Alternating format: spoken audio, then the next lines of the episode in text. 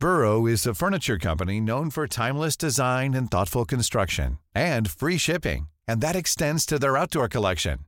Their outdoor furniture is built to withstand the elements, featuring rust-proof stainless steel hardware, weather-ready teak, and quick-dry foam cushions. For Memorial Day, get 15% off your Burrow purchase at burrow.com slash ACAST and up to 25% off outdoor. That's up to 25% off outdoor furniture at burrow.com slash ACAST. Everyone knows therapy is great for solving problems, but getting therapy has its own problems too, like finding the right therapist, fitting into their schedule, and of course, the cost. Well, BetterHelp can solve those problems. It's totally online and built around your schedule. It's surprisingly affordable too. Connect with a credentialed therapist by phone, video, or online chat, all from the comfort of your home.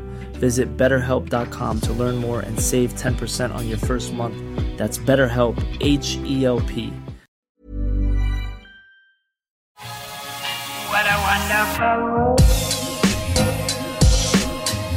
Du, Andreas, vi hadde jo vi hadde jo en episode med Henrik Oftedal for en stund siden. og Da, jeg, da mobba Øystein meg veldig, for jeg hadde jo litt for mye bakgrunnsinformasjon om, om gjesten. og så kødda han, og så sa han at du hadde, hadde du, du hadde ikke nakne damer på, på veggen du, på barnerommet. Du hadde sikkert et bilde av Henrik Oftedal. Men i dag så er det faktisk sånn at jeg hadde, et, jeg hadde en plakat av gjesten på, på gutterommet. Ja, det er stort.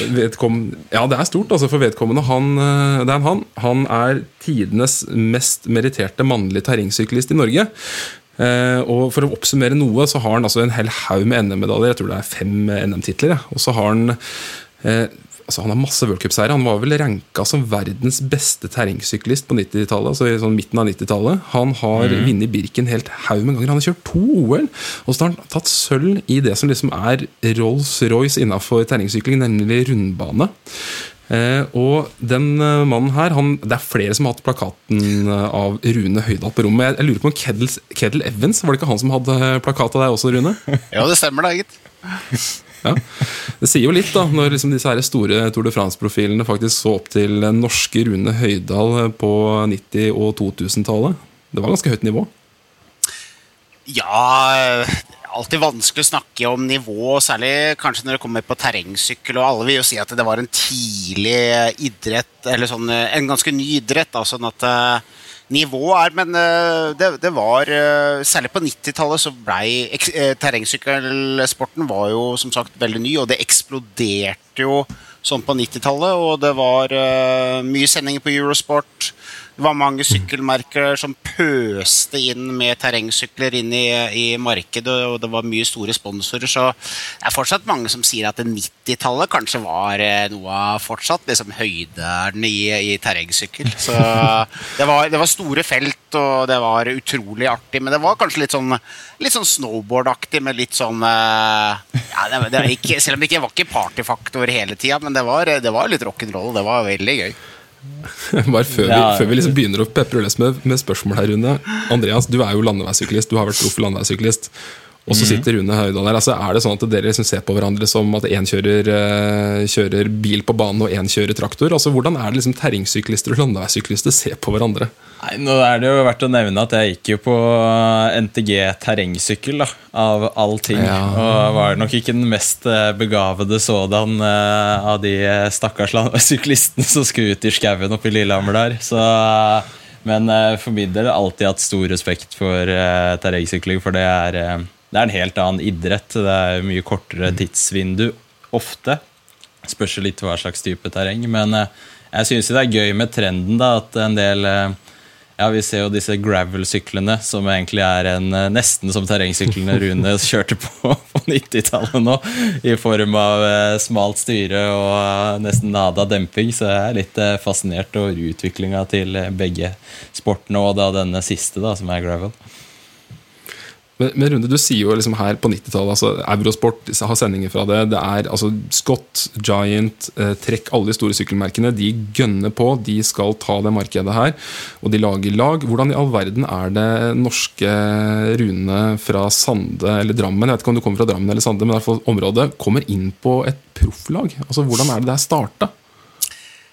Vet ikke om jeg skal dra hele historien, men jeg, også er jo egentlig eh, Bare ta Terrengsykkelen kom jo ikke til Norge før i 1986. Så det er jo øh, ganske tidlig. Og jeg begynte jo Da hadde jeg holdt på med sykling i mange år før det. Jeg begynte på landeveien da jeg var ti år gammel, så jeg er jo egentlig en landeveissyklist. Og jeg tror faktisk jeg har sykla flere landeveisritt enn det jeg har kjørt terrengsykkelritt. Bare for, for, for å ta den også. Sånn at jeg, jeg, jeg begynte med et øh, landevei ti år gammel. Da fantes jo ikke terrengsykkelen ennå. Um, uh, jeg hevda meg veldig bra i Norge sånn sett på landeveien. Jeg jo var blant de beste i Norge eh, som gutterytter. Eh, født litt seint på året, så jeg var sleit litt i 13-14-årsalderen. Kom sterkt tilbake i 15-16 og var jo en av de beste juniorene også i Norge på, på landeveien. Men samtidig så kom jo da terrengsykkelen i, i, i 1986 der, og da var det litt mer sånn som cyclecross. da Vi kjørte det på slutten av, På høsten var, eh, da kom det noen terrengsykkelritt. Og jeg fant jo veldig fort ut at det der passa meg veldig bra. Og syntes det var utrolig gøy, for jeg, eh, jeg var litt heldig når jeg var yngre. Så fikk jeg liksom en BMX-sykkel. Jeg og broderen vi spant rundt i gatene sør for Drammen, som heter Sande, hvor jeg eh, Gall Galleberg, hvor jeg vokste opp. Sånn at jeg, jeg fikk nok mye av teknikken min også med leik og moro fra jeg var ganske liten, siden eh, broderen og jeg hadde noen BMX-sykler. Så så det ene fulgte det andre. Så, øh, men i mange år da, så kombinerte jeg både terrengsykkel og, og landevei. Ja, da, og jeg kjørte også for Norges beste landeveislag. Det var Glåmdal, Glåmdal sykkel, sykkelklubb. sykkelklubb. Og ja, vel- lag, det. ja da, og jeg har vel faktisk noen eh, NM-medaljer også på landevei, i noe lagtempo, faktisk. Og også vunnet noen norgescup på landeveien i, som, i senior. Så, men eh, igjen, eh, jeg kombinerte, var veldig tidlig ute med å treffe bl.a. Gjerterud Bø, Svein Bergheim, Ole Kristian Silseth. Og de hadde allerede vært nede i Europa og sykla litt Europa, eller det de som kaltes da Grundig Cup var det det het, som var forgjengeren da, til, til World Cupen. Og de, Rune, du får ikke bli med oss en tur ned og så kjøre litt ned i Europa. sånn sett, For det var også et uh, Grundig Cup i Holmenkollen tilbake i 1989 eller noe. Hvor jeg også plutselig Jeg blei vel ble, nummer sju der. eh, og da var det en del proffer som sykla allerede da, og jeg blei nummer sju. Og det var da jeg fant ut at eh, jeg kanskje hadde litt talent for dette her. Reiste da litt ut i verden med ryggesekk, faktisk. Jeg hadde ikke noe penger nesten i det hele tatt. Haika ned i Europa og sammen med Gjerterud og Svein Bergheim og Ole Kristian Silseth. Eh, i tilbake i 1990 og 91, Kristian. Ja, for det, det, Jeg må bare bryte inn der, Rune. For det, når du sier at du, at du, du blir Var det nummer sju?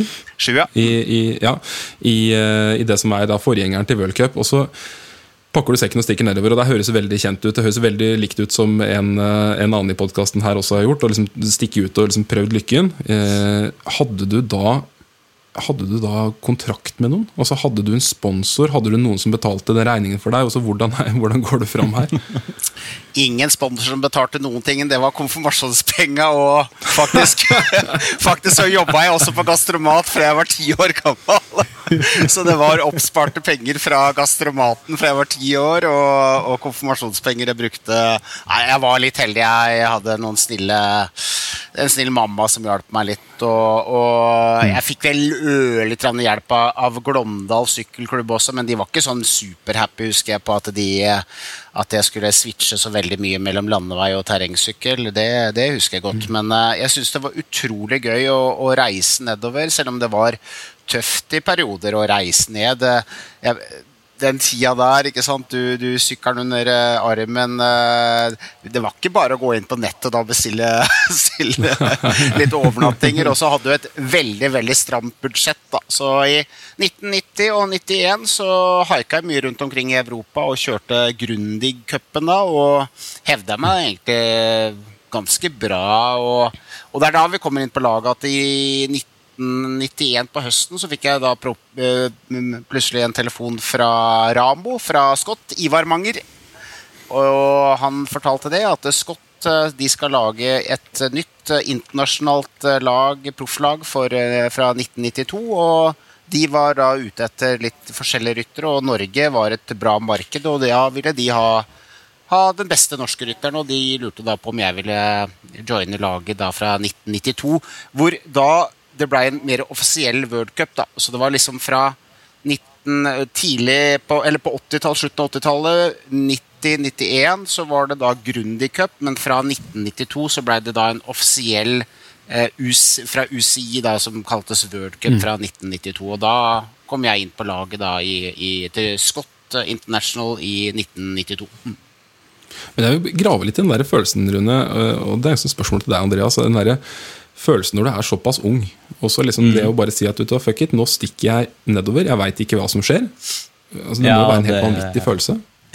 Det er jo artig. Jeg tror Rune hadde jo, som han sa det sjøl altså Jeg hadde jo i det minste et internett og kunne surfe litt mer rundt på finne overnattinger og folk, da. Det var jo litt andre, andre tider. Så, men eh, det er eh, Jeg tror det er noe av det lureste man kan gjøre hvis man eh, ja, med tanke på sykkelsporten i Norge akkurat nå. Men uh, det kan vi snakke mer om senere, for å si det sånn. Det må jeg heller høre mer om. Nei, jeg- jeg må også- om eh, tida. Jeg må også fortelle at jeg hadde en, en ganske god trener når jeg var en sånn 16-17-18 år, og jeg husker fortsatt han sa det. Rune, skal du bli en god syklist?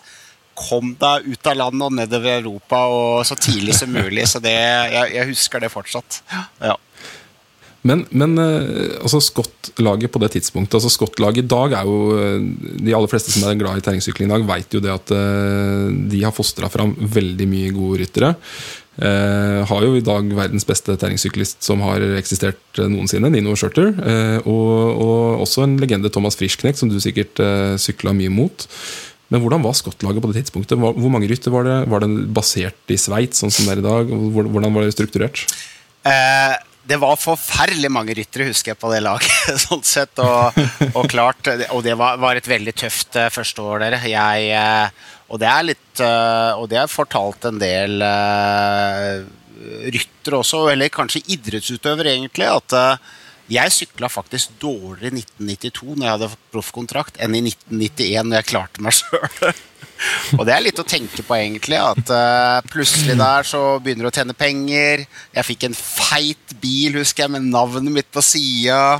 Det, var, eh, det var veldig kult, da. Ikke sant? Og kanskje mista litt fokusen i perioder på, på det du egentlig skal gjøre. Så i tillegg så husker jeg kanskje at jeg var til dels Da var jeg bare 22 år gammel.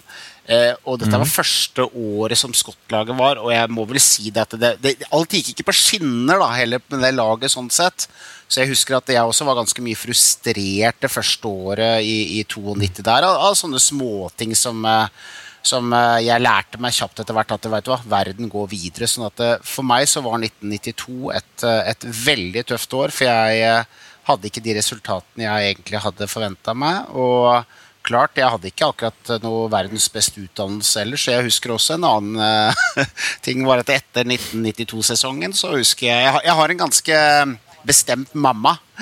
Og hun satte seg ned sammen med meg etter 1992-sesongen og sa Du, Rune, nå må, vi, eh, nå må vi sette oss ned her og tenke Hva er det vi holder på med her?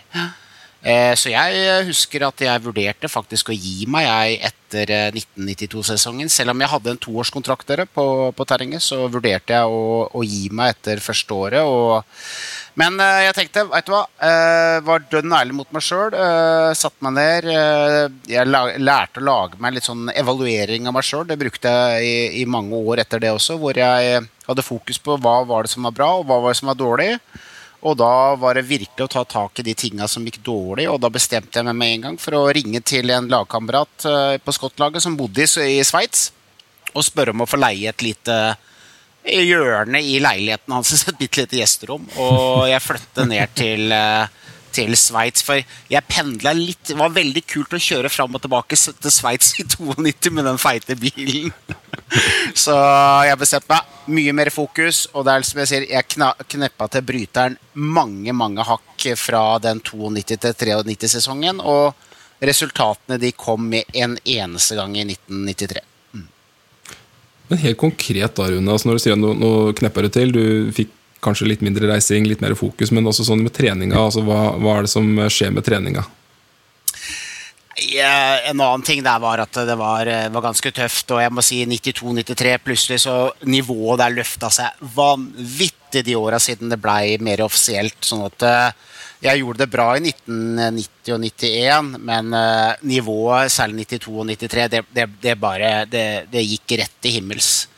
Eh, og klart det var mye å lære. Eh, utstyr også, sånn sett. Eksploderte den tida der. Og, og ikke minst så må jeg også si det at eh, ja, Andreas var litt inne på det. Den tida der også kjørte jo vi løp, dere. Eh, nå kjører jo eh, elite seniorklassen i en time og 15-20 minutter. Eh, Vi kjørte 2.30-40-50, som var vinnertida, ikke sant, den tida der. Så det var, det var Ja, så det var det var jo også veldig mange land, gamle landeveisproffer også som kom egentlig da til, eh, til også til terrengsykkel, egentlig sånn sett. Og de hadde jo en vanvittig utholdenhet på en måte sånn sett. Altså, det var vel det jeg kanskje sleit med litt igjen i, i 92 der, 93 farta sånn sett. Men eh, ja, jeg, jeg lærte å gå de stega, og, og etter hvert så må du må kjøre ritt eh, for å skjønne nivået og herding. Og etter hvert så var det du klora deg fast, og det blei egentlig bare bedre og bedre. Men jeg må også si, i de åra der også, så kombinerte jeg både downhill også og, og rundbane. Og jeg var en av Ja. de få også som, eh, som veksla mellom begge ting, tinga. Og det også gjorde jo ting, eh, ting eh, litt vanskelig. Jeg kjørte både landevei en del, jeg kjørte både utfor og rundbane. Og sammen med John Tomac eh, for i 93 så vant jeg mitt første eh, utforløp. Og Andreas, hvor er det jeg vant igjen? Nei, det, det må du ikke spørre meg om. Det, det, det, var- det er, det er jo en kuriosa. Det var på Lillehammer. Var det på Lillehammer? Oi, Ja. hjelpes. Så jeg vant mitt Der. første verdenscupløp i Og det var faktisk i utfor. Det var på Lillehammer i 1993. Så Hvor i Lillehammer eh, var det her, da? Hvor målet, må, målet var nede i Storgata der, så vi kjørte jo hele veien eh, gjennom eh, Det var en jævlig tøff løype. Det var inne i boligfelt på slutten. Det var helt rock'n'roll crazy alt sammen. Så det var eh, Nei, så det var, det var stort da å vinne. Så jeg, som sagt, jeg kombinerte jo da der og sammen da med John Tomac, som er den store innen terrengsykkel, så er det bare han og jeg som har vunnet verdenscupløpet i rundbane og, og utfor. Men dere, jeg må bare bryte inn utfor. Altså For de som ikke kjenner til utfor. Det, bare, det er jo det mest crazy som fins innafor sykkel. Altså det er jo Nå skal jeg beskrive det så godt jeg kan som, hvordan det er i dag. Skal du få lov til å beskrive hvordan det var den gang, Rune? I dag så er det jo da sykler som er ekstremt bakoverlent. Veldig mye demping foran og bak. Enormt eh, solide sykler. Og det kjøres også da ned eh, imellom liksom, altså, I grov skau, ned alpinanlegg. Og det stås og trås i ramma. Det går grisefort. Det er vanvittige hopp. Og det er, altså, det er doseringer. Altså, det, er, det ser helt klin kokos ut. Men i dag så er jo helhjelm og ryggskinne og altså, Du er godt beskytta. Hvordan var det da du vant eh, World Cup i Lillehammer, Rune? Altså, hvordan så sykkelen din ut? Hvordan så hjula dine ut? Hva, hva drev du med? Si sånn, Christian, jeg, jeg får jo gåsehud her nå når du snakker om det. Og, og når jeg tenker, Nå er jeg tippa 50 år, og jeg, når jeg tenker på egentlig hva jeg holdt på med, så var det fullstendig galskap. Det var, eh, det var eh, kamikaze. Eh, den tida der så var det jo som sagt igjen Det var ikke påbudt med noe beskyttelse, bortsett fra en bitte liten hjelm på huet. Så vi kjørte jo ikke engang med, med full face-hjelmer. Eh, ofte så var det to runder, da, så du kjørte Du hadde to muligheter til, eh, for å sette tier. Så første runden så kjørte du ofte kanskje med litt beskyttelse på deg, men hvis ikke det følte det gikk fort nok, så kasta du alt av beskyttelse til siste runden og bare ga enda mer gass. Så det var, det var helt galskap. Og ofte så kjørte vi også med vanlige rundbanesykler. Som vi bare satte på litt eh, større dekker på og sånne ting. Og, og, og kanskje etter hvert også sa- satte vi på en demper. Fordemper. Men, eh, men eh, det må jeg si, i 93 der så kom Jaya Scott eh, med en, eh, en, eh, en fulldempa veldig Eller bra og bra. Det, det var en fulldempa sykkel med mye vandring. Det var hjemmemekka av en sånn rallyfyr i Sveits. Det, eh, det, det fins bilder av den sykkelen, men det var, det var et monster av en sykkel med mye vandring. Eh, og den, så lenge han fungerte, så var den sykkelen helt rå. Det var den jeg vant med på Lillehammer i, i 93. Men jeg må si det, eh, rett etter Lillehammer så dro jeg rett over til Canada for å kjøre neste verdenscupløp der, i Mont Saint-Anne. Eh, eh, I en sånn utforbakke der også, og på trening der bare rett etter at jeg vant i, i Lillehammer. Så eh, jeg husker ingentingen. Eh, det var på trening noen dager før, før, før rittet der hvor eh, gaffelen min den bare datt ut av sykkelen idet jeg var over et stort hopp. Så, og jeg skulle bare ha en enkel gjennomkjøring, og da hadde jeg ikke tatt med noe beskyttelse, så jeg våkner opp på sjukehuset eh, og kan vel egentlig takke Jeg fikk ja, sto mye i ansiktet. eh, ja, fikk uh, mye brakka noen deler i ryggen og sånt, så jeg var vel satt ut i fire måneder etter den, eh, den velten der i 1993. Og det var da jeg egentlig bestemte meg, og da var da jeg skjønte at det her må du fokusere på, på én ting, og for meg da så var det helt normalt med, med, med rundbane. da. For akkurat den tida der også så begynte de å lage løypene, sånn som Christian var litt inne på her. De, de blei bare mer og mer ekstreme sånn sett, og det gikk ikke an å kombinere de to fra 93. Nei, Når du sier at du altså, Syklene har utvikla seg ekstremt mye. Men altså, beskriv liksom sykkelen din på, på skott. Altså, første laget ditt, første proffkontrakt. Hva, hva sykler du på? Altså, hva slags ramme er det snakk om? Hva bremse, giring? Altså, hva, hvordan ser sykkelen ut? Ja, jeg, jeg, var jo egentlig litt godt vant eh, fra 1990 og 91 der. Da var jeg litt heldig her i Norge. Fikk litt sponsing av litt Fischer-sykler. Og ja, kjørte på litt eh, gromme saker her hjemme, egentlig. Så jeg husker det å gå til Scott i 92, hvor det var en eh, ei Ritchie stålramme, husker jeg. Eh, og så var det vel helt greit eh, Shimano-utstyr. Det var ikke noe sånn eh, super, men eh, det var en helt grei sykkel. Jeg husker vi stort sett kjørte med stive gafler, i hvert fall i 92 der sånn. Jeg tror i 93 så begynte Scott å ha litt sin egen sånn spjoing-spjoing-demper av et eller annet slag som ja, Det var ikke helt bra, men eh, samtidig også kom jo Rockshock, og så husker jeg med en, en litt eh, demper som det var vel 6 cm dempering som, eh, og ikke noe lockout, ingentingen. Altså det, det fjøra jo litt, men det, det, alt var veldig stivt. da, Det gikk stort sett i stål, og det var jo det var jo ikke, Skivebremse var det jo ingen som hadde funnet på en, og sånn sett, så det gikk i sånne, sånne cantileverbremser med bremse på, Ja. på felgene. Så. Men eh, vi hadde veldig fokus på vekt da, på den tida der, veldig, kanskje mer enn det vi nesten har i dag. Altså, så det gikk mye i vekt, det gjorde det. Mm. Men Hvor mye veide en stålramme med stålgaffel og liksom det utstyret den gangen? Altså, hvor lett kan det bli? Du, faktisk så fikk jeg tak i en, eller jeg har en sånn sykkel her, og egentlig så er det overraskende lett uten at jeg, men eh, de er nok, eh, kan, tippa nok ofte under en 10 kilo de også, de syklene. Når, når vi, I hvert fall når vi hadde sti, eh, stive gafler, da, så, så de var ikke så veldig tunge egentlig, men klart det var, det, det gikk jo noen rammer innimellom da, som knakk litt og sånt, noe, så det, ja da.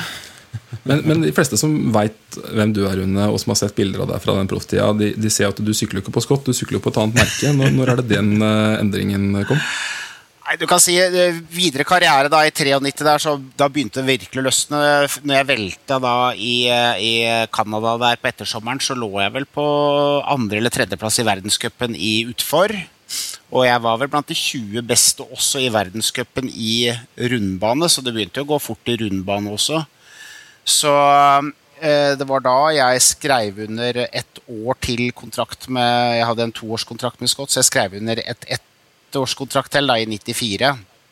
Og jeg husker det at jeg leverte noen eh, ganske bra resultater på, helt på slutten av 93 i rundbanen igjen også, og, og fikk eh, en veldig, veldig god vinter igjen i 93-94-sesongen. og med en gang da i 94 så merka jeg med en gang at jeg hadde hevd meg enda noen hakk til, og da begynte jeg ofte å plassere meg blant de, ja, blant de 15 beste i verden i, i rundbane. Og øh, faktisk da også litt utpå ettersommeren så fikk jeg min, også min første podiumplass på, i et worldcupløp borte i Mount Snow i USA. Hvor eh, Thomas Frischnecht vant foran Tim Gold, og jeg tok da min første pallplassering i, eh, på rundbane da i, i 94. Og det var da jeg skjønte at eh, wow, her, her begynner det også. Jeg dro hjem igjen, og, og, og det var da vi switcha over. Da fikk jeg en ja, I 94 så begynte Scott eller Giant da, også, og også se på et internasjonalt lag, de også. Og veldig tidlig i 94-sesongen så kom eh, faktisk Giant til meg og sa at du, vet du hva, vi skal lage et lag for, for 95, og du er en av rytterne vi er interessert i. Og jeg husker da med den podiumplassen jeg hadde i USA der, så, så kom de, og ja, det var litt artig. Scott jeg ville gjerne ha meg videre også, og Giant kom inn, så det var litt gøy å plutselig måtte få litt lag der til å begynne å, å kjempe. Ja. Hvor, altså på det tidspunktet her, Hvor gammel er du da? Da er jo jeg 24-25 år gammel, jeg, da. Ja. Mm. Ja, 24, ikke sant? Ja. 24 så skal du da forhandle kontrakt med, med to av verdens største sykkelmerker. Altså, om man jeg er jo nå 33, eh, og jeg syns jo fortsatt at jeg er en liten drittunge. Hvordan er det man, altså, hvor, hvor selvsikker var du da, Rune? Altså, når du da står med verdens største sykkelprodusent Giant og, og en av verdens største Scott, og så, og så skal du da begynne også å være tøff og, og stille krav. Hvordan er det? Jeg, jeg husker det der veldig godt, Kristian, Christian, og det var ikke lett. For jeg hadde jo begynt å klatre oppover eh, eh, liksom i starten i 92 hos Scott, så var jeg ikke akkurat Da var jeg veldig ung, litt sånn uerfaren og leverte ikke, men plutselig i 94 så var jeg plutselig en av stjernerytterne der, og så kanskje, Scott og så kanskje at wow, han her har eh, en fremtid. sånn at eh, Men jeg kjente akkurat da at eh, var, jeg var litt moden for å skifte litt eh, lag, og ikke minst med folk rundt meg. og kanskje noe av det viktigste, da, og det har jeg tenkt mye på etterpå også, var de andre rytterne som også kom inn på Giant-laget i 95. Og igjen, nå var jeg litt sånn der eh, gåsehud her, altså for det laget og de rytterne som, som eh, Vi blei fem ryttere da som signa for, for Giant i, i 95. Og det var en helt rå gjeng. Altså, vi, eh, som sagt, Scott-laget var, var veldig stort. Veldig mange ryttere å forholde seg til.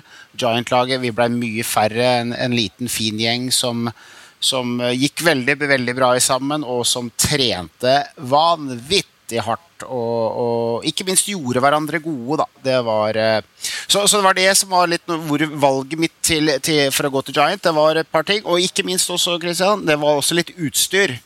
For det må jeg si at, eh, at eh, det å komme da fra stålramme hos, uh, hos Scott og over til en eh, karbonramme hos Giant i 95 der, det var to helt forskjellige ting. Så Ja, for Når kom den revolusjonen? Altså, når, når var det det her blei tema? Jeg har jo tenkt at liksom alle gikk via alurammer, men nå sier du egentlig at du har gått via stål direkte til karbon. Så jeg gikk eh, rett fra ståklart som Tidlig på 90-tallet så kjørte jeg litt alurammer med, med Fishotten, men eh, jeg hadde tre år da og skott med, med stålramme, og så var det rett over da på, på eh, karbonramme i, i 95 der, og, og- jeg merka med en gang det, det var helt annen snert på rammene. Stålrammer, litt sånn dødt og sånt, syns jeg, mens den, eh, den eh, Giant uh, karbonramma der, det, det var helt noe annet fra Jeg merka det på første tråkket, og jeg satt vanvittig godt på den sykkelen. Og, men klart igjen, eh, akkurat den tida der så skjedde det veldig mye fra år til år også på, på utvikling av sykkel. Men, men Giant var veldig tidlig. De hadde allerede da hatt en, en karbonramme et par år ti, års tid før jeg hoppa på den, så Giant var veldig tidlig ute med karbonrammer eh, i, på terrengsykkelen. Hvordan så det ut med demping og bremser og sånn på det tidspunktet der? da? Nei, da begynte det plutselig å, å bli litt uh, Ikke rått, da, men da, vi, da var det Og da fikk vi da, veldig fokus igjen på vekt den tida der igjen, da, med, med Men da ble det karbonrammer og, og gode dempere. Fortsatt ikke noe lockup og ikke noe skivebremser, men uh, det var egentlig gode sykler å sykle på. Også, så, men klart, eh, den tida der også, det var mye med dekker og sånne ting, og det er litt det samme som er i dag, men klart uh, Geometri det, det, det er så vanvittig mye som har forandra seg opp gjennom tidene. sånn sett altså. Men uh, som sagt, en 95 der, og ikke minst 96 også, så hadde jeg veldig veldig gode sykler. Det hadde jeg. Mm. Men det er vel her gjennombruddet virkelig kommer? er det ikke det?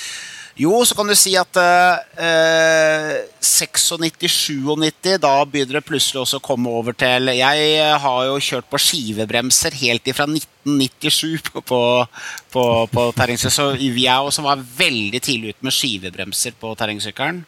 Så helt fra 1997 har jeg vært på skivebremser. Og 97-98 også, så begynte jo vi også å testkjøre bare Jeg har jo også vært med i en del av utviklinga hos Giant med, med fulldempa sykler. Så allerede rundt 97 også så begynte jeg å teste ut en god del prototyper på, på fulldemper. Det var veldig gøy. Husker jeg vi jobba sammen med, med, Renault Sport, som hadde et eget system. Som, som, så jeg jobba mye sammen med Formel 1-avdelingen til Renault faktisk den tida der. Så det var utrolig kult. My, mye, flinke, Ja, my, mye flinke ingeniører. Ja. Ja, Men resultatene der under i den perioden Nei, eh, 95 var jo helt rått. Da vant de jo det var, eh, Og det var litt tøft. Det var ti verdenscupløp gjennom en sesong, så fy søren, det var og det, over hele verden, så det var veldig mye reising. Eh, og jeg vant halvparten av dem, så jeg vant fem, fem av ti verdenscupløp i, i 1995. Og det var, det var helt Det året der, jeg veit ikke, men eh, jeg hadde en utrolig god vinter. Eh, trening i 94-95. Og vi kan jo komme litt inn på Jeg trente da sammen eh, veldig mye sammen med Finn Vegard Nordhagen. Pappaen til Jørgen Ja, ja, ja. Nordhagen, som jeg trente mye sammen med. Så Finn og jeg Finn hadde flytta til Drammen, og vi trente utrolig bra den vinteren der. Eh, Gikk veldig mye på langrennsski. Vanvittig mye på langrennsski. Eh, I tillegg så er det litt vanskelig, men jeg ble, skjønte enda mer at her må vi bare bli enda bedre, og da må vi igjen eh, ta fram hva er jeg dårlig på, hva er jeg god på, og da fant jeg ut altså at vi måtte skrape av enda en del kilo den vinteren der, så jeg fikk av meg det siste valpefettet, og, og fikk trent veldig bra. Så i, i 95 der så hadde jeg jo en helt utrolig sesong eh, hvor jeg vant av halvparten av, av verdenscupløpet. Mm. Men i den perioden der, altså, hvor mye bas, altså, mye forhold hadde dere til liksom, type basistrening og, og altså, struktur? Altså, hvor mye Var det ting du sugde fra eget bryst? Var det erfaring du fikk fra laget? Eh, var det kontakt med Olympiatoppen? Altså, hvor, hvor er det kunnskapen til treninga kom fra på det tidspunktet her? Nei eh, Det var mye sånn egen Jeg, jeg spara litt med Olympiatoppen. Eh, jeg hadde litt, litt eh, Kaggestad var med litt, så jeg, jeg, kom, jeg begynte å komme litt inn i Olympiatoppen den der eh, tida der. For da var jo, var jo bestemt at, eh, at eh, terrengsykkel skulle bli tatt opp i, i OL i Atlanta i, i 1996. Så vi begynte jo da å bli tatt opp litt. Men jeg må jo si at eh, mye av den treninga den hadde jeg egentlig fra gammel landeveissykling. Altså, og det husker jeg godt fra når jeg sykla for Glåmdal sykkelklubb også. sånn sett, at Vi gikk veldig mye på langrenn også. og og så hadde jeg, jeg har alltid vært egentlig veldig allsidig også, så jeg alltid Og Drammen Jeg var jo der jeg starta i Drammen sykkelklubb når jeg var eh, ti år gammel, hvor vi hadde vanvittig gode vintertreninger med mye skigåing. Eh, kveldstreninger hvor vi hadde en bry, gammel bryter som drev med mye Vi rista vel bare på huet, men det, jeg ser jo det nå.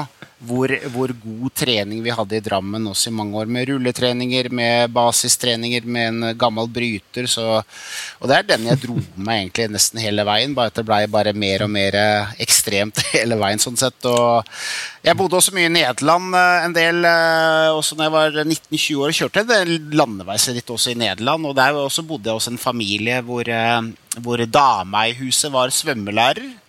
Og de lærte meg også da å crawle, faktisk. En, eh, sånn, ikke veldig, men sånn rimelig bra. da, Så jeg også har brukt svømming også mye i, i treninga. Mm.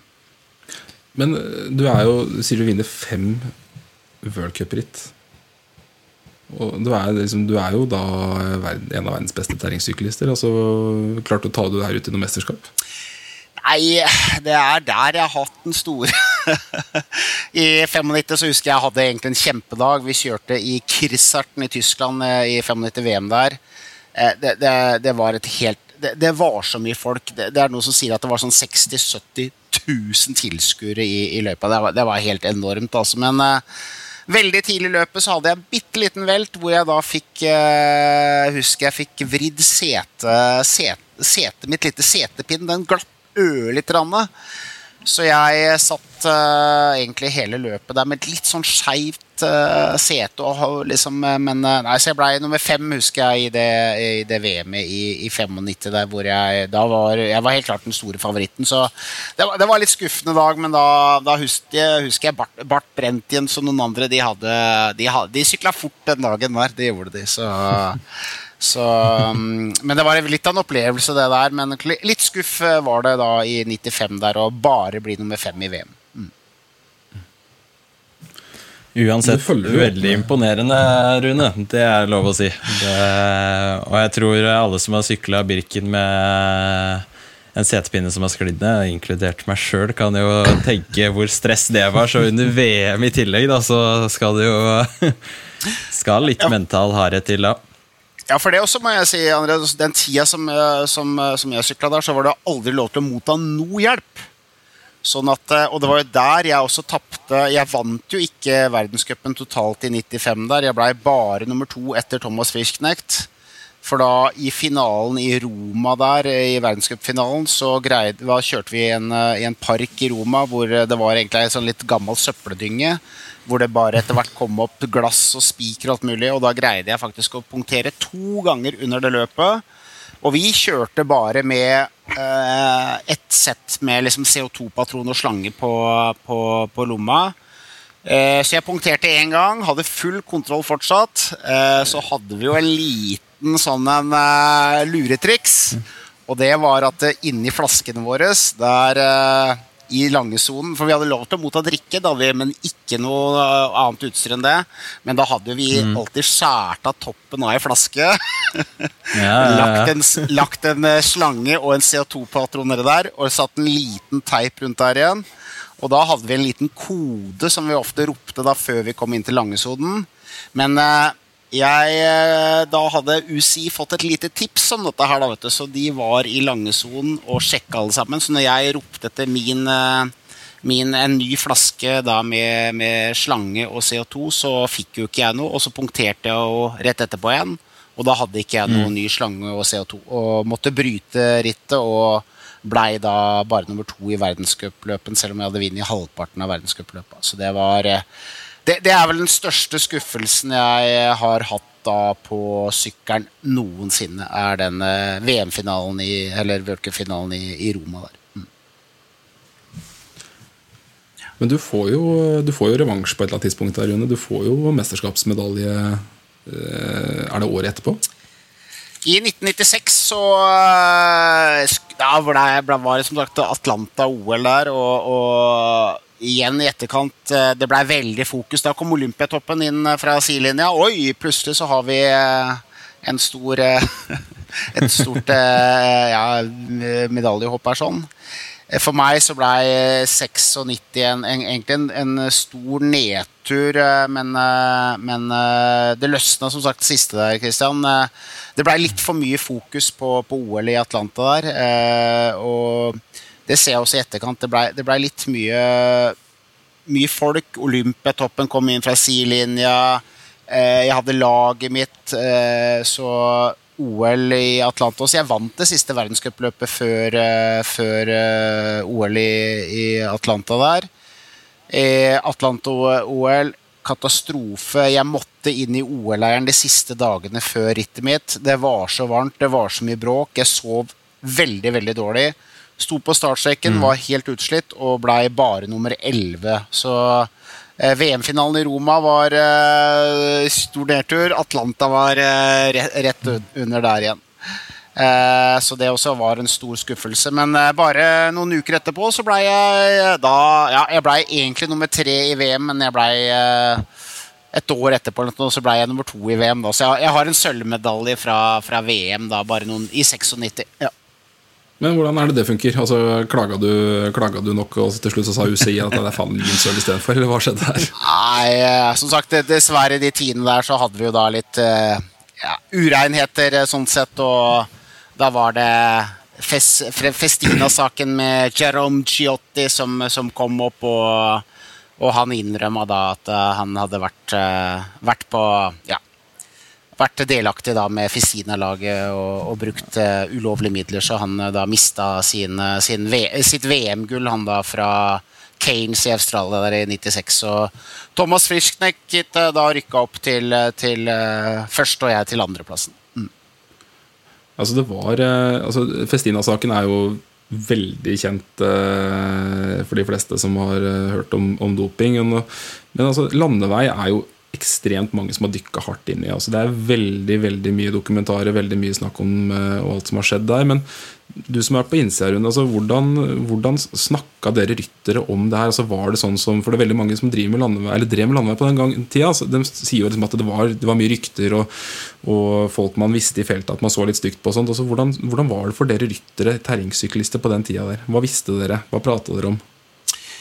Det er, det er jo ikke det hemmelighet at uh, vi også, eller terrengsykkel, uh, hadde sine saker. Og det er jo bare å gå Mikael Rasmussen, for eksempel, er jo mm. en av de kjente Ski80, og vi hadde jo en god del uh, saker sånn sett. Så klart, det, det var jo Det innrømmer jo masse snakk om hos oss også, og særlig da kanskje rundt ja, akkurat når Ski80 ble tatt her i 96-97 rundt der, så var det, var det mye. Og etter hvert også så fikk jo vi bare mye kontroller. Og det husker jeg godt, at vi fikk eh, vampyrene, som vi kaller dem. De banka ofte på døra vår sti klokka seks-sju om morgenen eh, for å ta blodprøver og, sånt noe. Så, mm, så, vi opplevde dette her, og klart ryktene også gikk jo der med at folk eh, av gårde. De hadde jo vakter på natta som sto ute på hotellet fra laga, som, så, så rytterne stakk av gårde og var plutselig ikke på hotellene og sånne ting. Men det, det, det, var, det var, masse snakk uh, i, i, i, mange år der, uh, sånn sett. Uh, og, men jeg, jeg, så jo aldri noe, noen ting. Men klart, vi hadde, vi hadde jo våre saker da, som dukka opp, og særlig sånn et, etter hvert så har det jo kommet frem mye. og Særlig da med, med Michael Rasmussen, sånn sett. og Klart mm. Han også sykla jo uforskamma fort i, i, i, noen av ritta der. Mm. Mm.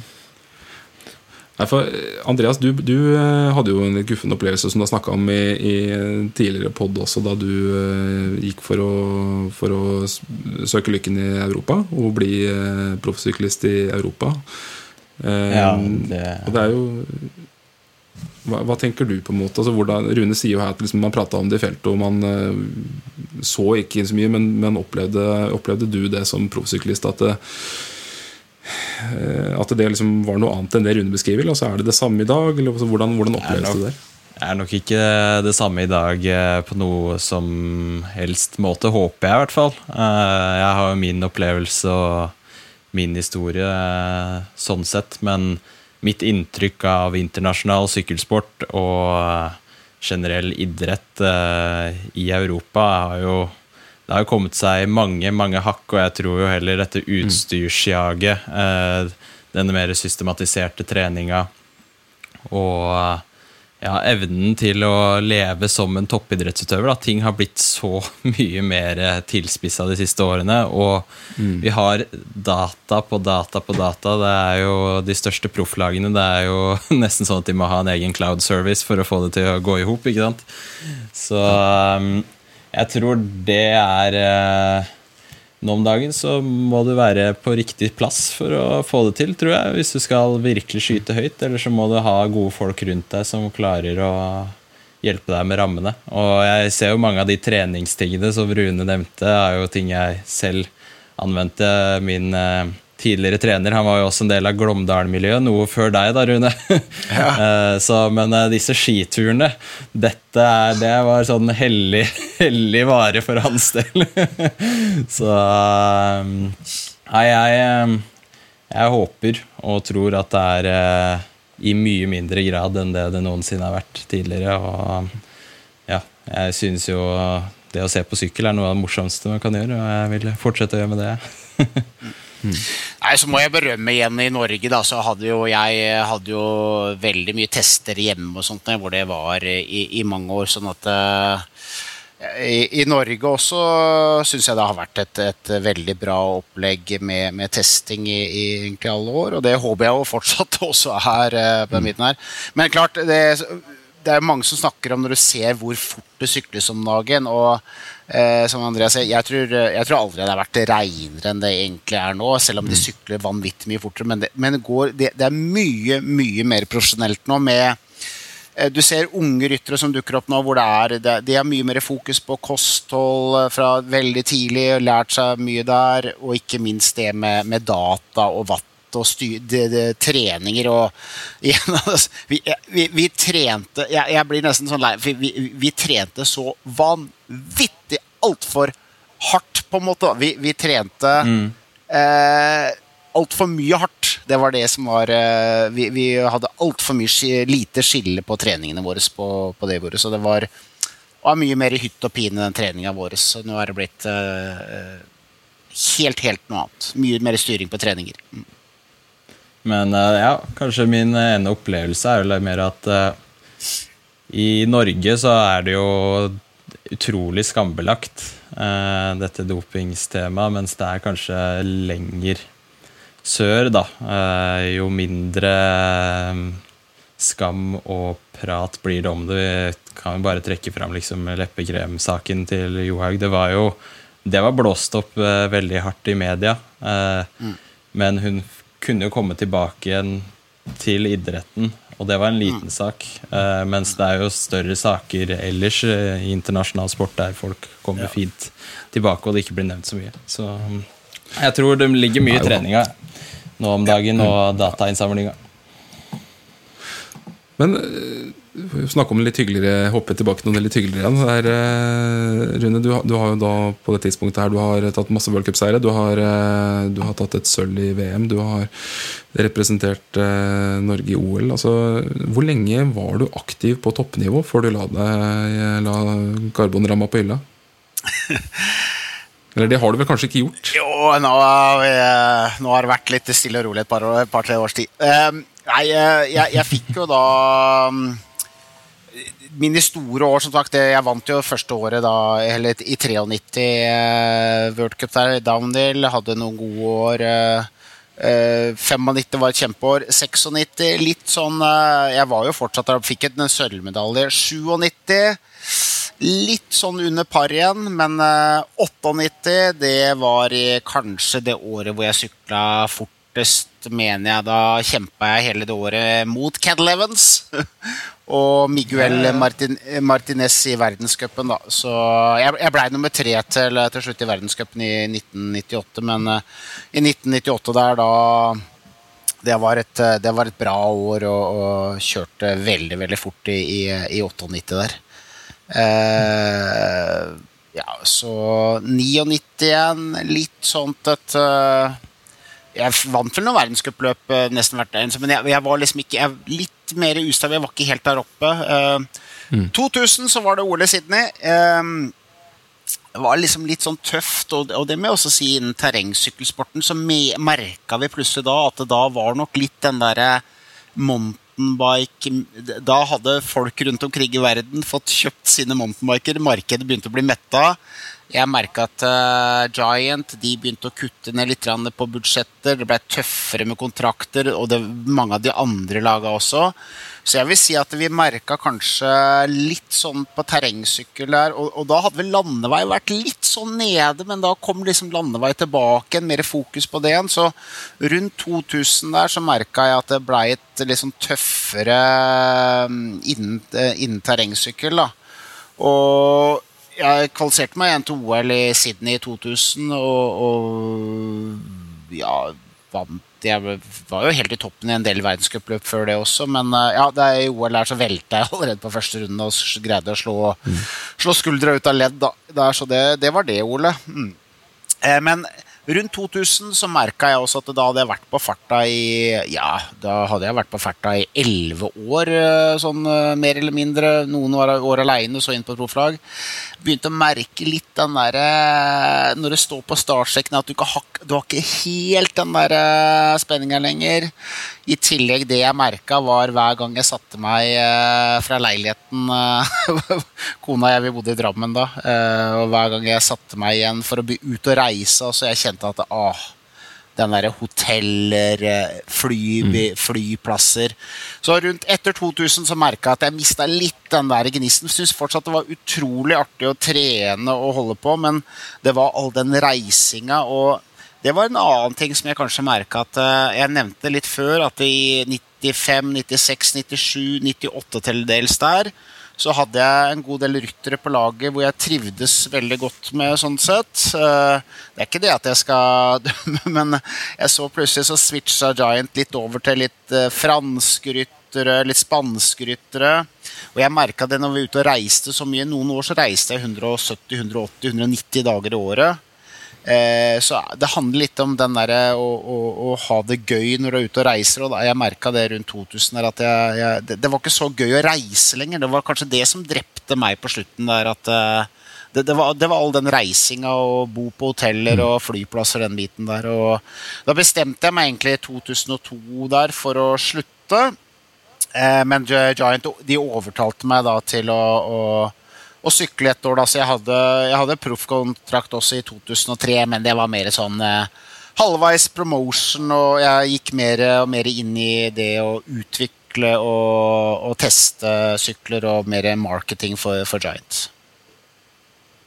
En fantastisk eh, karriere, Rune. Eh, men eh, for de fleste som som har fulgt godt med på terrengsykkel, så, så, har du jo engasjert deg veldig mye siden det. Og er fortsatt veldig engasjert. Så jeg tenker at vi tar en kjapp liten pause, og så skal vi snakke litt om hvordan det står til med norsk terrengsykling eh, i dag, og veien videre.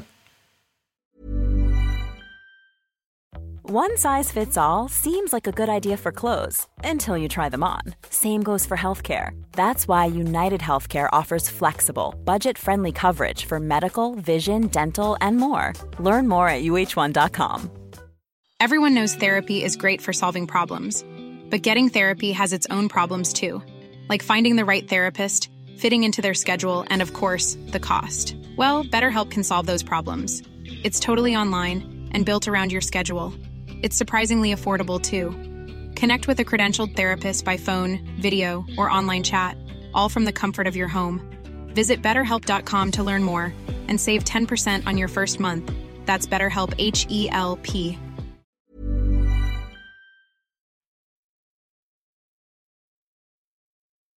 Da er det jo sånn at uh, vi er i uh, 2023.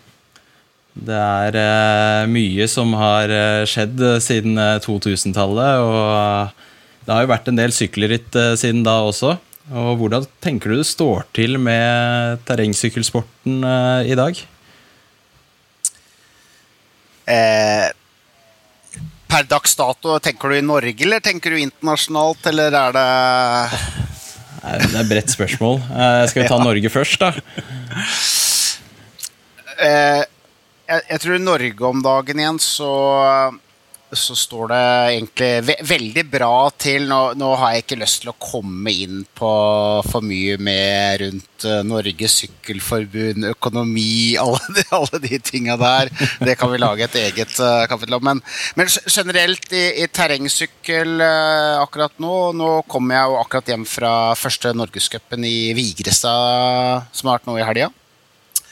Og hvor det er eh, veldig bra arrangement og, og fortsatt eh, bra med folk til start. Altså, vi, vi har ikke merka sånn stor nedgang, egentlig, eh, selv om det har vært noen tøffe år nå for, for idretten. sånn sett. Så, og det ser du også på arrangementer nå. Nå er det jo det er, det er, vi, vi, har jo flere søkere til Norgescup eh, terrengsykkel enn en, en, en, Så vi slåss jo nå med å få, få Norgescup-arrangementer. Eh, og det er jo et uh, kjempebra tegn, i motsetning til landeveien, hvor det er eh, krise om dagen.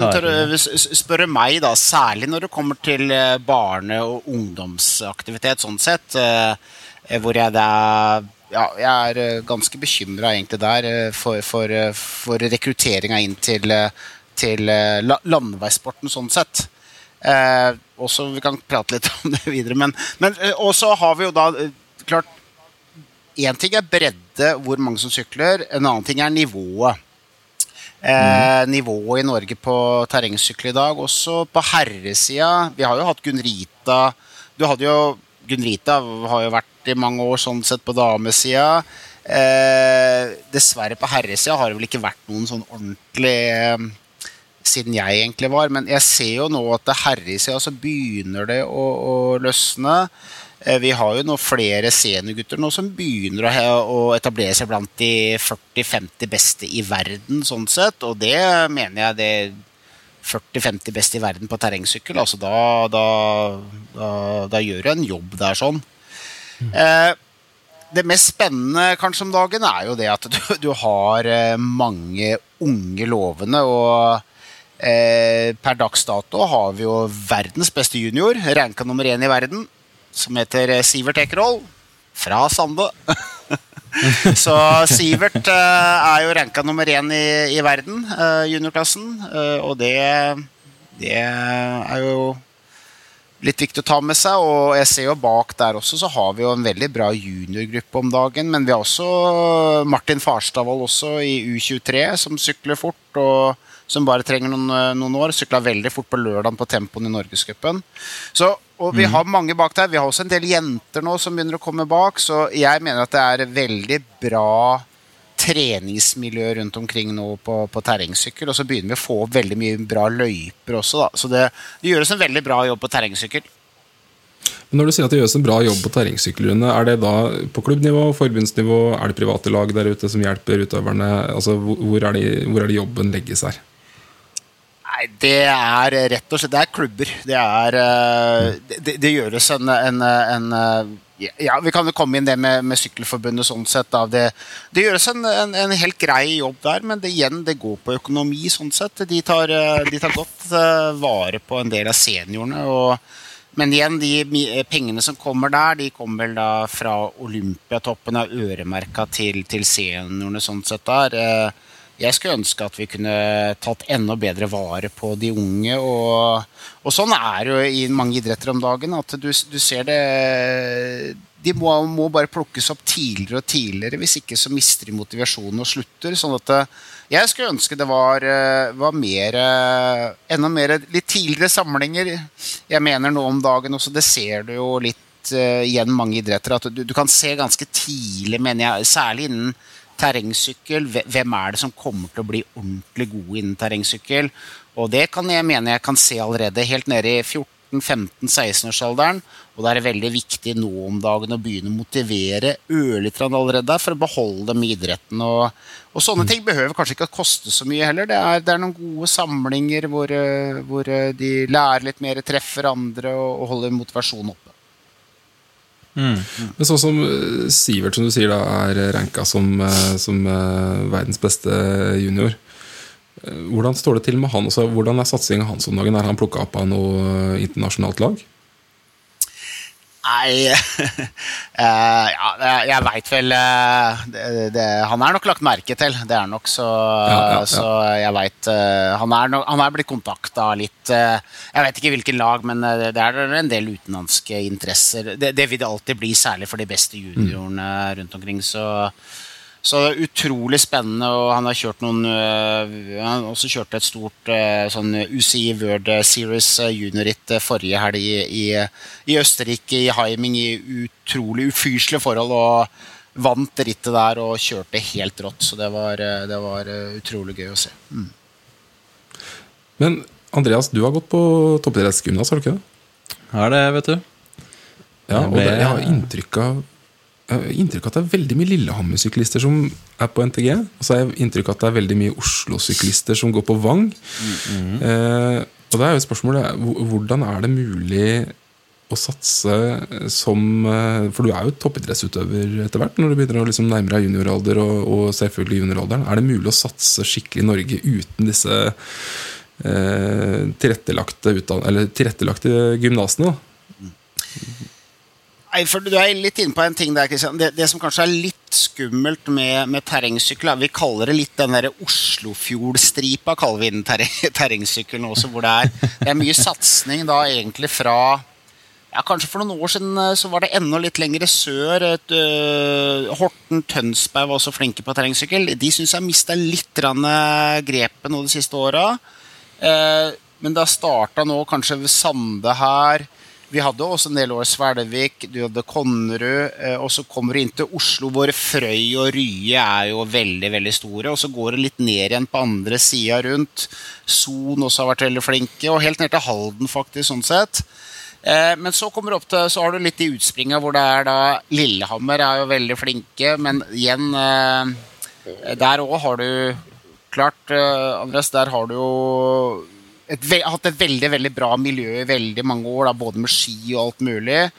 Og klart der og har en del av de beste utøverne som flytter til Lillehammer. sånn sett. Da. Så eh, heldigvis nå så har Vang kommet opp litt, sånn at, ikke det bare må, at du bare må til Lillehammer for å bli en god syklist. For sånn følte jeg det var for noen år siden. At nei, skal du bli god syklist, da må du til Lillehammer. eh, sånn sett. Så litt skummelt det med terrengsykkel. Jeg skulle ønske at det var enda mer litt spredd rundt omkring i Norge. Eh, Vestland igjen, der er det jo nesten helt fraværende, bortsett fra egentlig Vigrestad, hvor, som hadde åpninga i Norgescupen eh, nå i helga. Så, så der borte er det jo landevei som dominerer veldig. Klart vi har, eh, Det begynner å ta seg opp veldig bra også i Trondheim. Der har de også fått lagd, og det er dette som er litt spesielt med terrengsykkel nå.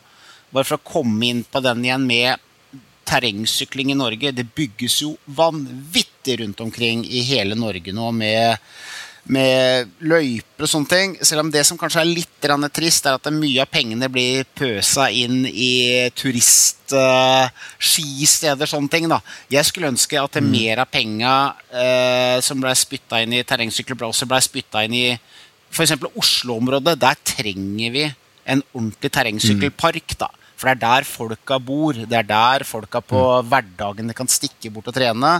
Hallingdalen, mm. Trysil, alle disse her. Fint og flott, men det er veldig beregna på turister. Så, men igjen, eh, terrengsykkel i Norge om dagen. Eh, dessverre, maraton, Birken, alle disse her er jo veldig, veldig nede sånn sett. Men Formel 1-biten til terrengsykkel, og rundbane, den, eh, den syns jeg har holdt seg veldig, veldig bra. Men jeg har jo sånn teori på det her, Rune, og det er jo Jeg får teste den på deg nå, da. Men det er jo det at eh, Birken var jo helt vanvittig svært. Eh, sånn ja, 2007 til 2012-2013 eller noe sånt. Og da var det kjempestort. Og veldig mange av, eh, av de pappaene som i dag er pådrivere og trenere, og som har voksne unger, de og som har gode unger, som etter hvert begynner å bli voksne, de også, de var jo de som liksom herja i aldersklassene. Eh, og kanskje også eliteklassene sånn på den tida der, for sånn 10-15 år siden. Og så opplever jeg at veldig mye av de barna som har blitt voksne i dag, de er liksom et sånt resultat av veldig mye kompetanse og veldig mye pågangsmot og, og masse bra oppfølging. Eh, Så den der kontrasten som vi snakka om i stad, om at eh, turrittene i Norge ligger jo Mange av dem ligger jo helt brakk. Eh, Birken er eh, langt nede, kommer sikkert tilbake igjen, det er naturlige svingninger. Men som du sier, nivået har aldri vært høyere. Er det rett og slett eh, en grunn av forklaringa? Altså, du kjenner jo mye av disse pappaene og mammaene som følger opp eh, de beste utøverne. Ja, klart. Igjen så kommer vi inn på at eh, terrengsykkel er eh, er eh, Dere hører meg, eller? Ja, ja. ja. eh, terrengsykkel eh, er en ganske ny idrett, egentlig. sånn sett da. Sånn at eh, når jeg kom inn i sporten, så var det jo ingen egentlig som kunne fortelle meg noe særlig om terrengsykkel, hvordan ting var, sånn sett da, siden ingen hadde holdt på med det før.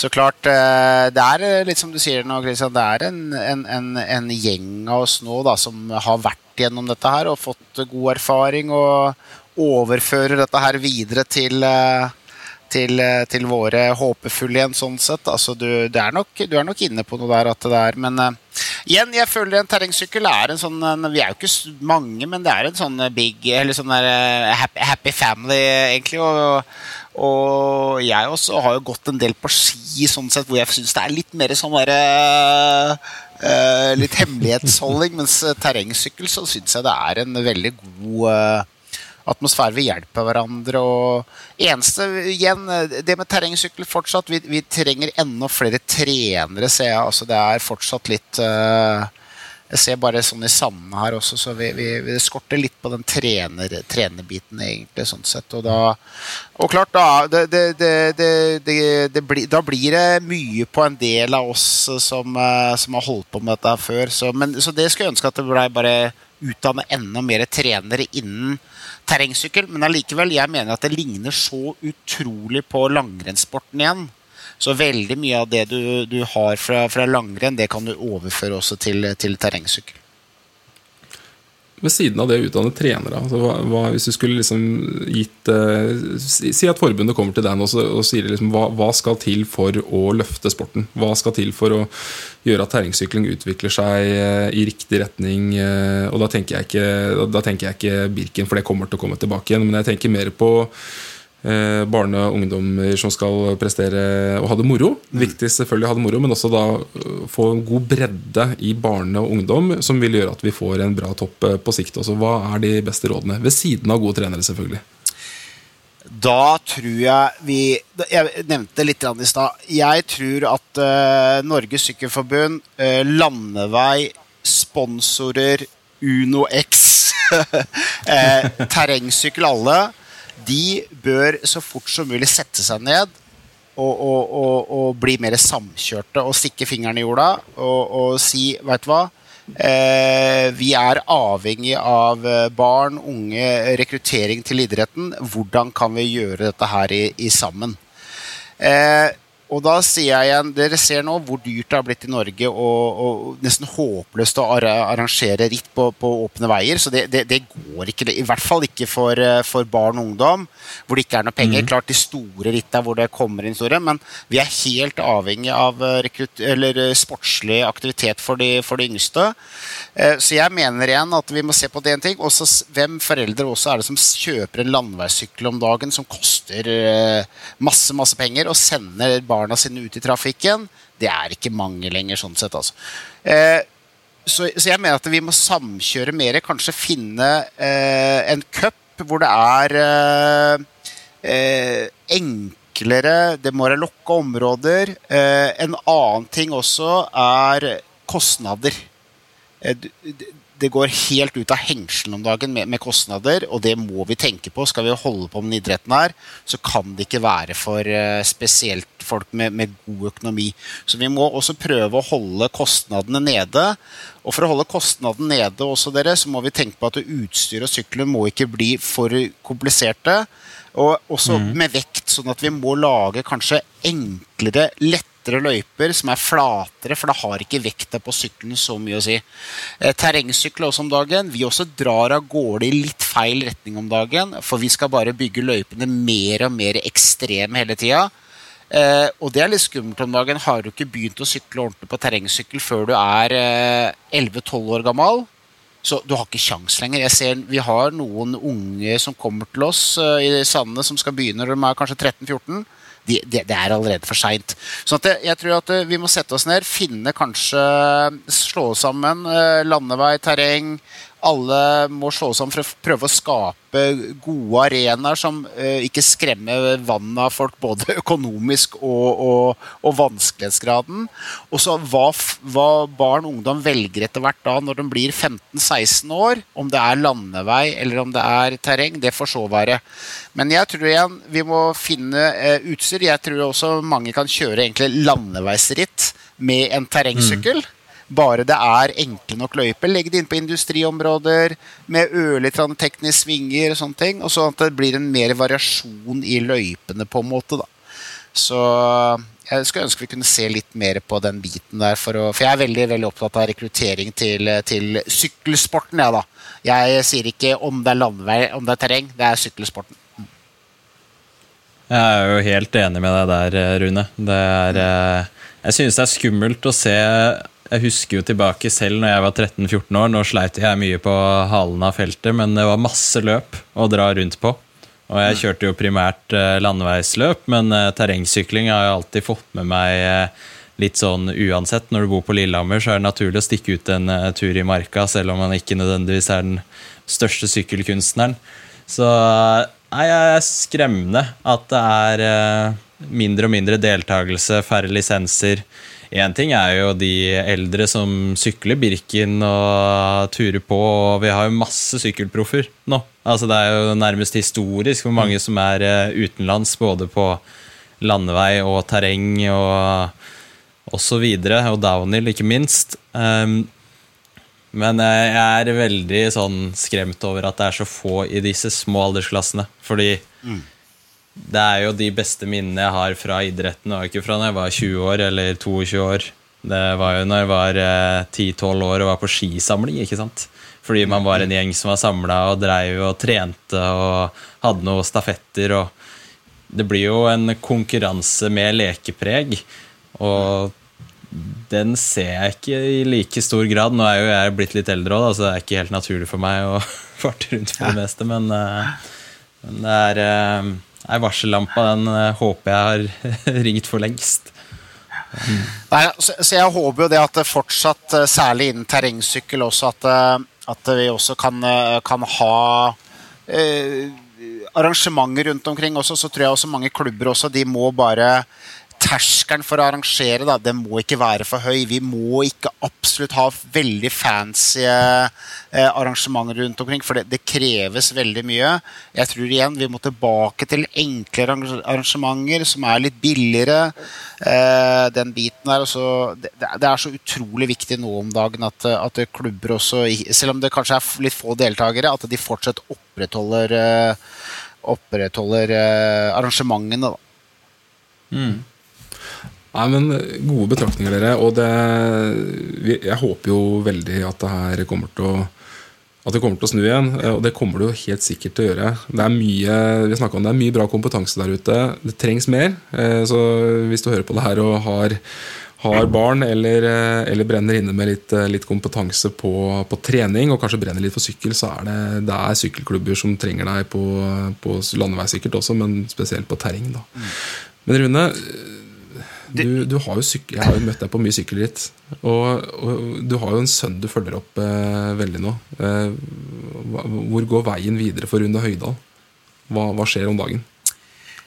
Nei, nå har jeg fått beskjed om å trekke meg tilbake, som jeg nevnte her eh, tidligere. Så eh, for neste år så kanskje jeg kan begynne å sykle litt mer. Uh, nei da, jeg uh, jeg har jo, som jeg sier, vært uh, alltid engasjert, og så har jeg vært heldig og Ja, jeg har, uh, jeg har, jeg har også ei datter som også har vært veldig aktiv, men det er klart jeg har vært eh, heldig og har en, en sønn som har, har syntes det har vært gøy å, å følge, følge, pappa sine fotspor, sånn sett, egentlig. Men, men, igjen, vi kommer over til Vi har hatt et bra miljø her i Sande med fine, laget masse fine løyper.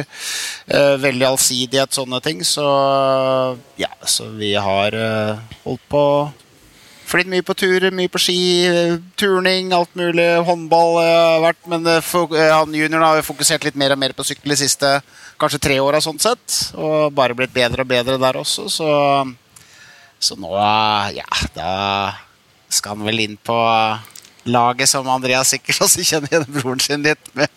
For neste år så er han heldig, heldig da også ble plukka opp av, av Jumbo Visma da for, for neste år. Men igjen, da, da, har fått, da, har jeg fått, beskjed om at jeg skal, da skal papp, pappaene trekker seg stille og rolig unna der, Kristian. Så da ja. Da er det tid for at Rune Høydahl får på seg startnummer igjen. Nei, det Men uh, i hvert fall uh, i hvert fall sykle og kose meg mer. Jeg har fått mye smak også. Mm. Blant annet i fjor så var jeg en uke enduro rundt eh, Mont Blanc i fjor, også, som jeg var med på. Så jeg, jeg er blitt mer litt sånne dratt på litt sånne litt rolig gutteturer hvor vi sykler lengre og ikke mye, så mye puls. Og så er det litt kos med god mat og god drikke etterpå. Ja, så lenge det er en sykkel involvert, så er vel, eh, er vel du fornøyd, er du ikke det? Jo, jeg, jeg, trives veldig veldig godt på, på to hjul, og det har jeg alltid gjort med både mye, mye, opplevelse er det du får med deg på et sykkelsete, sånn sett med at du du får masse gode inntrykk, og så er det litt med det adrenalinet, egentlig det lille kicket, sånn sett. Og, og, det er litt interessant. For en del år siden så husker jeg det var en Det var faktisk på Birken. På, da var, kom det en, en, en, fyr bort til meg som måtte bare prate med. Han eh, fortalte at han eh, var litt sånn psykolog, jobba på et, eh, et, sånt et senter hvor folk sleit litt med topplokket. Og han sa den beste medisinen de hadde funnet ut der nå, var at de hadde, noen, de hadde noen stier bak senteret der, og så hadde de kjøpt en del eh, terrengsyklister. Og når folka hadde det for ille, da sendte de på terrengsykkelen ut på en runde. Eh, for da har du så fokus på Da, da glemmer du alt uh, da handler det egentlig som han sier om å overleve, så da glemmer du egentlig på hvor fælt det var. Og sånne ting så, og etter at han sa det, så, så, tenkte jeg faktisk litt på det. At det er faktisk litt sant. Også når jeg kommer på en terrengsykkel og, og det er litt uh, spreke, litt artige løyper, da, da, da, er du da er det deg og sykkelen det handler om. Altså. Så, så, for meg så er det medisin å komme på, på to hjul.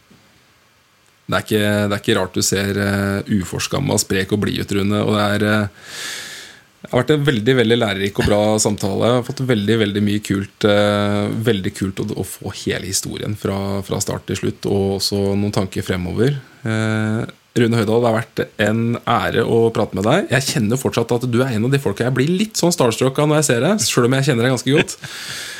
Eh, så jeg skal i hvert fall børste støv av terrengsykkelen og komme meg ut. Andreas, har du, har du sykkel med breihjul nå, eller? Har ikke sykkel med breihjul. Den ble stjålet her om dagen. Den uh, bor i Oslo og er farlig. Uh, så oh, sånn er det.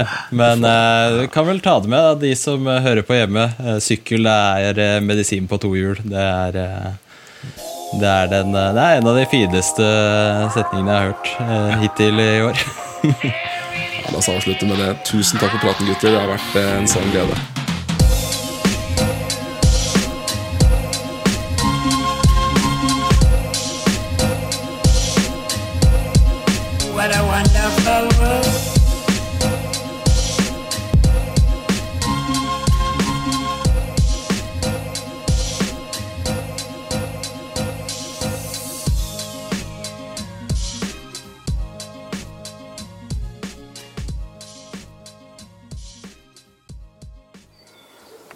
Gode dager.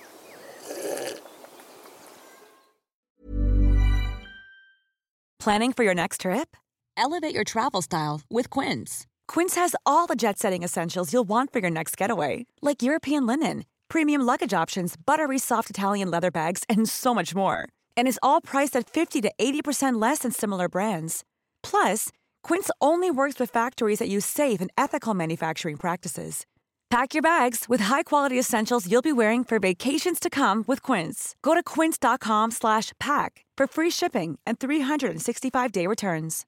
Imagine the softest sheets you've ever felt. Now imagine them getting even softer over time. That's what you'll feel with Bowl and Branch's organic cotton sheets. In a recent customer survey, 96% replied that Bowl and Branch sheets get softer with every wash. Start getting your best night's sleep in these sheets that get softer and softer for years to come. Try their sheets with a 30-night guarantee. Plus, get 15% off your first order at bowlandbranch.com. Code BUTTERY. Exclusions apply. See site for details.